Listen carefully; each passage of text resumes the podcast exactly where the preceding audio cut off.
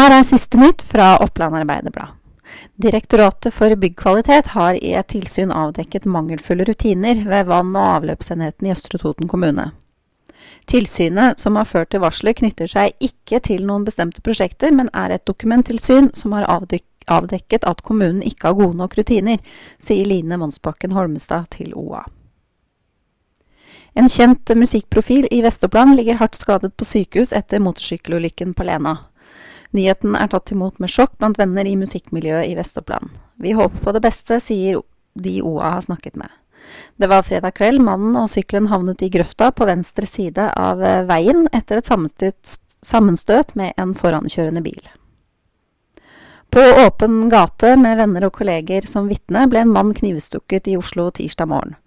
Hendelsen opprørte Stig Morten Seierstad fra Snertingdal, som var ett av vitnene.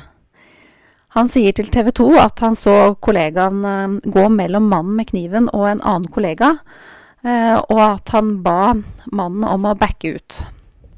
Så rygger han, snubler og faller. Da kaster fyren seg over og kjører kniven i han, sier Seierstad til TV 2. Mandag kveld ble det observert ulv i Biri.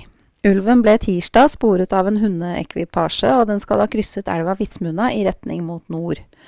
Mange bønder er nå bekymra for dyra som er ute på beite, og flere velger å vente med å slippe ut flere, får Roa opplyst fra lokale bønder. Og det var siste nytt fra Oppland Arbeiderblad.